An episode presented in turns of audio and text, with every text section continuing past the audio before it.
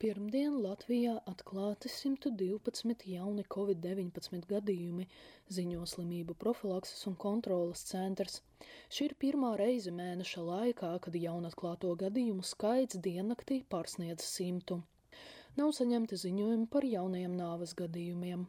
Kopā diennaktī veikti vairāk nekā 8000 testi. Pozitīvo gadījumu īpatsvars 1,3%. Slimnīcās ievietoti astoņi pacienti ar covid-19, kopā stacionāros ārstējas 46 pacienti, no kuriem deviņi ir smagā stāvoklī.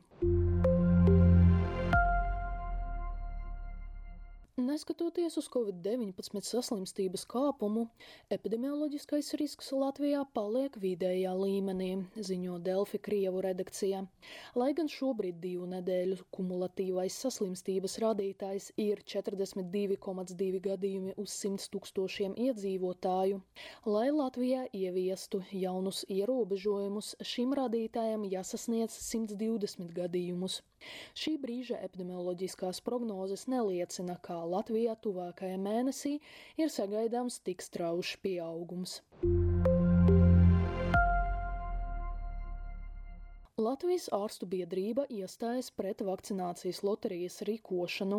Biedrība uzskata, ka valdībai šo naudu jānovirza Latvijas veselības aprūpes sistēmas stiprināšanai. Tāpat biedrība uzskata, ka citēju, šādas akcijas devalvē cilvēka dzīvības vērtību, jo veselība un vakcinācija nav laimes spēle. Latvijas ārstu biedrība nav vienīgie, kuri neatbalsta loterijas rīkošanu. Pret to iestājas arī jaunā konservatīvā partija.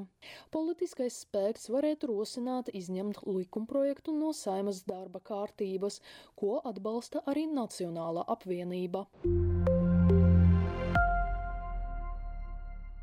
Farmācijas uzņēmumi Pfizer un Moderna ir pacēluši Covid-19 vakcīnu cenas, ziņo Leta.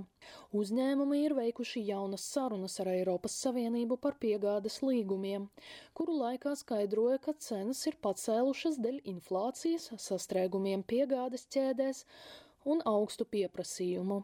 Tagad abu ražotāju vakcīnas viena deva maksā ap 20 eiro.